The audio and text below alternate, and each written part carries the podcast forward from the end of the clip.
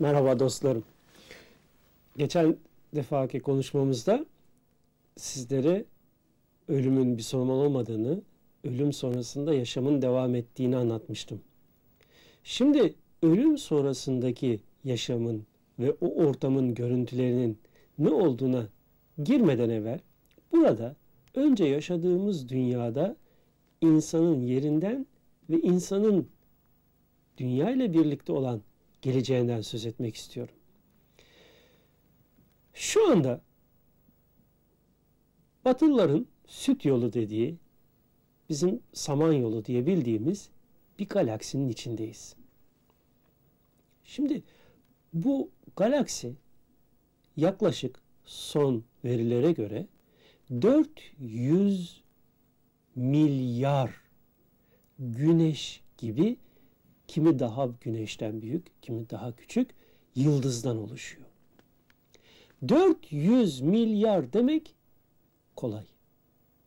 Ama 400 milyar tane güneşin nasıl bir alan, bir saha kapladığını hiçbir insanın hafsalasının alması mümkün değil.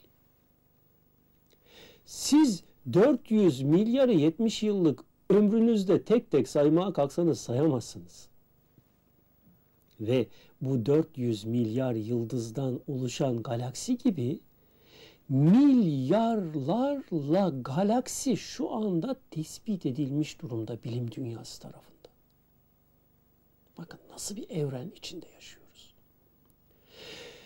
Bu milyarlarla galaksiden bir tanesi olan bizim Samanyolu galaksisinde 400 milyar yıldızdan bir tanesi olan Güneş bizim sistemin merkez gücünü, yapısını oluşturuyor. Şimdi bizim Güneş dediğimiz yapı bu dünyadan bir milyon küsur defa daha büyük bir kütle. Dışarıdan buradan bakınca böyle hani uzakta bakır bir tepsi gibi görüyoruz ya onu. O bakır gibi bakır tepsi gibi görünen kütle bu dünyadan bir milyon küsur defa, bir milyon üç yüz üç bin defa daha büyük bir kütle. Bu güneş adını verdiğimiz yıldızın çevresinde biliyorsunuz Merkür var, Venüs var. Üçüncü halkada biz dünya yer alıyoruz. Bizim çevremizde de o uydumuz ay var. Sonra gidiyor Mars'ı, Jüpiter'i, Satürn'ü, Uranüs'ü, bu arada tespit edilen Şiron'u vesaire. Şimdi bu bizden 1 milyon 303 bin defa büyük güneş var ya, onun yüzeyinden yükselen alev dalgaları, gaz alevlerinin dalgaları 10 bin, 20 bin, 50 bin, 100 bin kilometre değil. Güneşin yüzeyinden 800 bin kilometre yükseğe kadar fışkırıyor. Güneş bildiğimiz gibi dünya türünden bir madde, kütle, madde gezegen değil. Esas itibariyle hidrojen atomlarından oluşmuş bir gaz kütlesi. Bu hidrojen atomundan atomlarından oluşmuş gaz kütlesinin merkezinde hararet 10 milyon santigrat derece veya daha da fazlası. Tabi bu bir füzyon olayını meydana getiriyor ve bu olayın sonucunda da güneşin hidrojen atomları helyum atomlarına dönüşüyor ve bu arada fışkıran enerji güneşin enerjisi adeta bizlerin hayat enerjisi olarak uzaya, çevresine yayılıyor. Tüm gezegenlere ve uzaya doğru. Güneşin merkezinde olan bu yüksek hararetin yanı sıra güneşin yüzeyinde taç tabakasında ısı 6000, 7000, 8000 dereceye kadar ulaşıyor. 6-7 bin derece ne demek? Şöyle anlatmaya çalışayım. Dünya üzerinde en sert ısıya dayanıklı maden kadmiyum 6000 derecede sıvı hale geliyor. Mesela dünyamız sadece ve sadece kadmiyum madeninden ibaret bir kütle olsaydı, bizlerin vücutları, yapıları, her şey kadmiyum madeninden ibaret olsaydı, güneşin taş tabakasına ulaştığımız anda hepimiz, bütün dünya bir sıvı haline eriyip gelecek ve biraz daha ısındığında da buhar olup yok olup gidecekti. Enteresan burada hemen aklımıza şu geliyor. Hazreti Peygamber'in bir hadisi var. Diyor ki kıyamet gününde cehennem gelip dünyayı sardığı zaman dünyanız bir su buharı gibi o cehennemin içinde yok olup gidecek diyor. Bu olayı bir değerlendirmek lazım. Hani kıyamet günü ne zaman ne zaman cehennem gelir dünyayı sarar elbette bunları bilemeyiz ama bildiğimiz çok kesin bir gerçek var. O kesin gerçek de şu şu anda bizden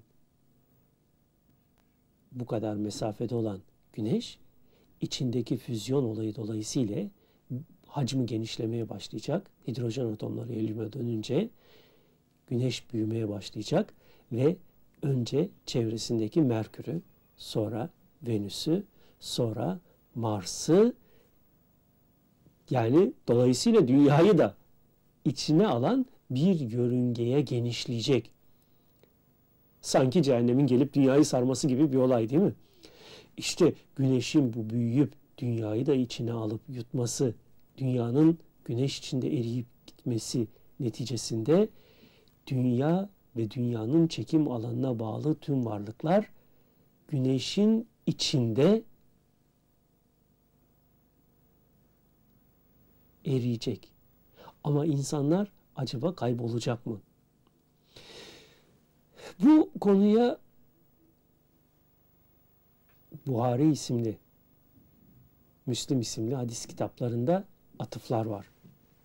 Mesela Müslim ismindeki hadis kitabında diyor ki peygamber güneş dünyaya yaklaşacak öylesine ki bir mil mesafeye kadar gelecek. Gene e, Tecrid-i Sarih tercümesi olan Buhari'nin muhtasar kısaltılmış olan kitapta e, ikinci ciltte bir hadis alıntısı var. Güneş kıyamette gelip dünyanıza iyice yaklaşacak ve insanlar bundan çok büyük azap duyacak diyor. Tabi o kıyamet gününde insanların bedenleri şu bildiğimiz manada etten kemikten topraktan bir beden olmayacak. Çünkü zaten o ısıya öyle bir bedenin tahammülü de mümkün değil.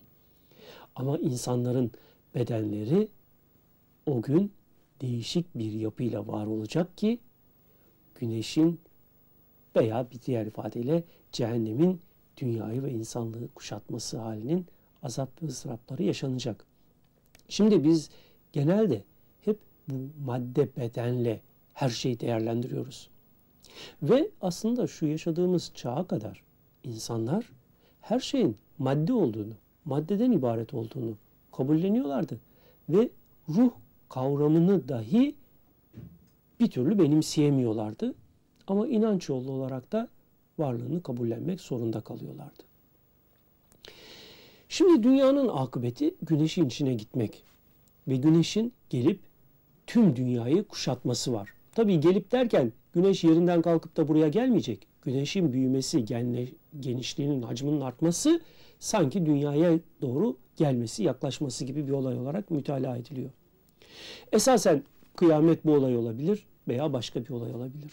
Ama netice itibariyle insanın yaşamının devam edip gitmesi söz konusu. Bizim yaşamımız e, nasıl devam ede gidecek? Ve enteresan olan bir ayet var tabi bu arada hatırlamamız gereken. Bütün insanlar istisnasız cehennemin içinden geçecektir deniyor. Yani e, insanların bir kısmının alınıp cehenneme atılması diye bir olay yok. İnsanların tamamı, tümü Kur'an hükmüne göre cehennemin içinden geçecek. Geçemeyenler orada kalacak, geçebilenler oradan geçip kurtulacak şeklinde bir olay anlatılıyor. İsterseniz bir dahaki sohbetimizde bu konuya gene devam edelim. Hayırlı akşamlar efendim.